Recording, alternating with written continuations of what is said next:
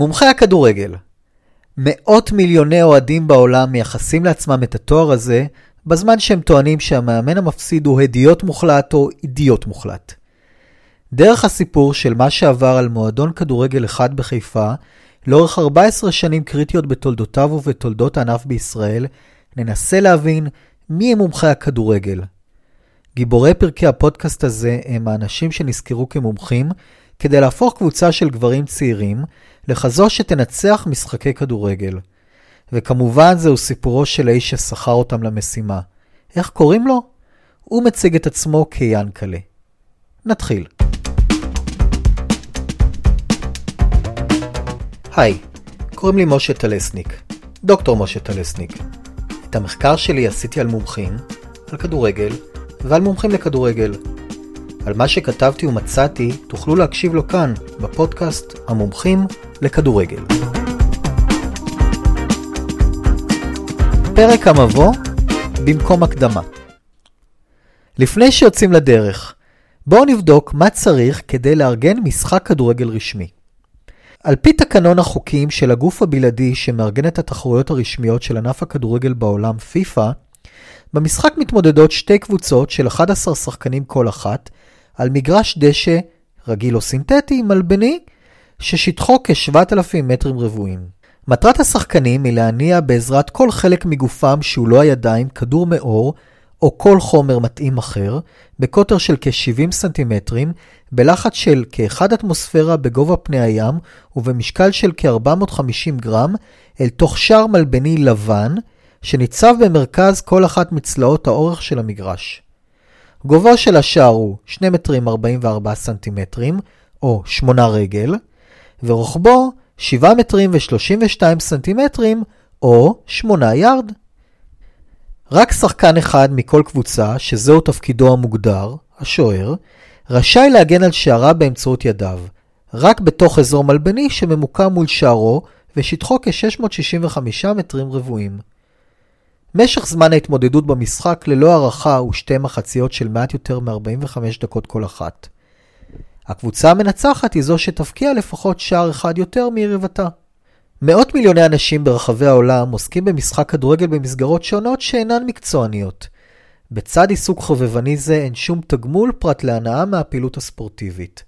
לעומתם, עבור כמה עשרות אלפים בעולם שמתפרנסים ממשחק הכדורגל והמיליארדים שצופים בהם, לתוצאה של כל התמודדות בה הם משתתפים, יכולות להיות תוצאות מרחיקות לכת.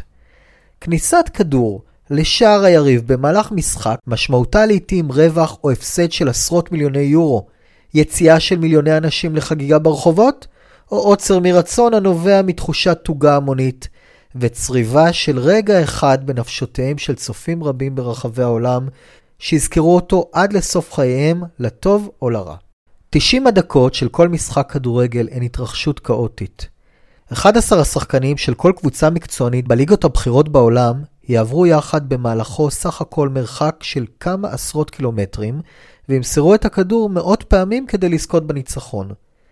על מנת שאפשר יהיה לשלוט בהתנהלות הקבוצתית במהלך ההתמודדות שקשה לצפות את מהלכה, החל מראשית המאה ה-20 ניסו בקבוצות שונות לארגן את השחקנים באמצעות אימונים, שמטרתם שיפור היכולת שלהם. בכך הם קיוו להשיג יתרון על יריביהם.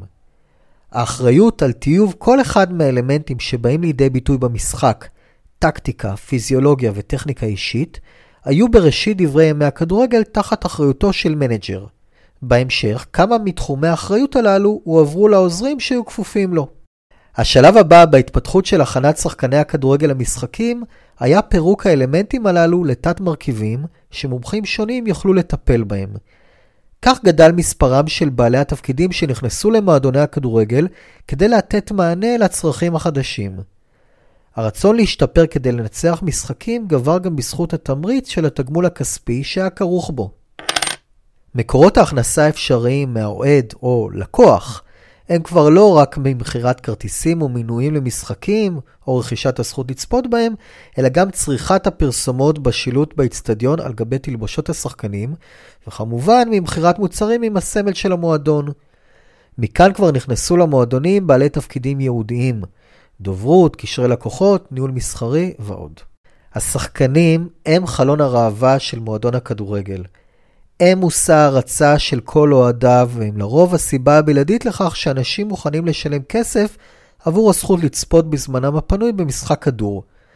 אבל בפודקאסט הזה, הכדורגלנים המוכרים מתפקדים כניצבים בסיפורם של בעלי התפקידים במועדון הכדורגל, שעמד במוקד המחקר שלי. במכבי חיפה, בתקופה הנחקרת מ-1992 עד 2006, עבדו עשרות אנשים בשירות המועדון, שכל אחד מהם היה מומחה לתחום מסוים. אנחנו נעסוק בהם, האנשים שנזכרו על ידי בעל ההון לעבודה באחד מהענפים בקבוצה העסקית שלו, בזכות מומחיותם.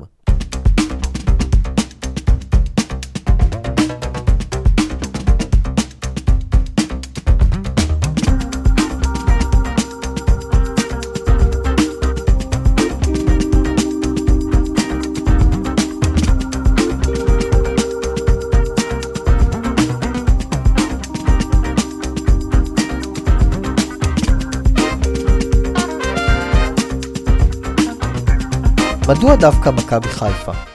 בהיסטוריה רבת השנים שלה מדגימה קבוצה זו את התהליך שעבר הכדורגל הישראלי מהימים של המשחק החובבני עד לגוף עתיר המשאבים של ימים אלה. בעשור השני של המאה ה-21 זהו ארגון שרתם את מיטב המומחים המדעיים והזרים הטכנולוגיים על מנת להכשיר את שחקניו לביצועים המיטביים על המגרש ומחוצה לו. הימים של טרום עונת 1992-93, אז ביצע שחר את עסקת הרכישה, מהווים את נקודת הפתיחה לסיפור ההיסטורי שיעמוד במוקד הפודקאסט הזה. זוהי אבן דרך חשובה ורלוונטית לדיון בהשפעה של הפיכת מועדון כדורגל של אגודת ספורט פוליטית שמפעילים אותו מתנדבים, לעסק בבעלות פרטית. תוך שנים ספורות עברו כל מועדוני הליגה הראשונה בישראל לידיים פרטיות, בין היתר בזכות אותה עסקת רכישה תקדימית. הנקודה בה הסתיים הסיפור שלנו הינה סוף עונת 2005-2006. מדוע? תצטרכו להישאר עד הפרק האחרון.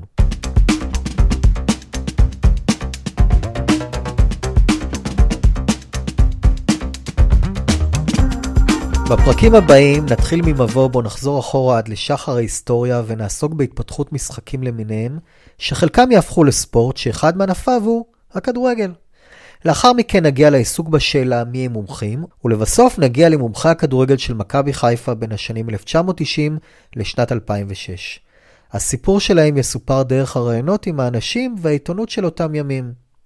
מתוך עשרות שעות של ראיונות, מאות מסמכים ועשרות אלפי קטעי עיתונות, ניסיתי להרכיב את הפאזל של הסיפור שיוצג בפרקים הבאים.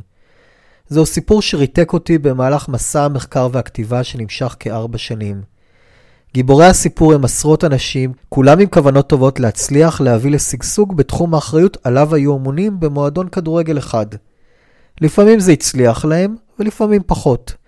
ובהשאלה לאמירה של המאמן האנגלי, סר אלכס פגסון, לאחר משחק בקבוצתו מנצ'סטר יונייטד הובסה, כל אחד ממעשיהם של המומחים הללו היה עוד אבן דרך בהיסטוריה המפוארת של מכבי חיפה. האזנה מהנה.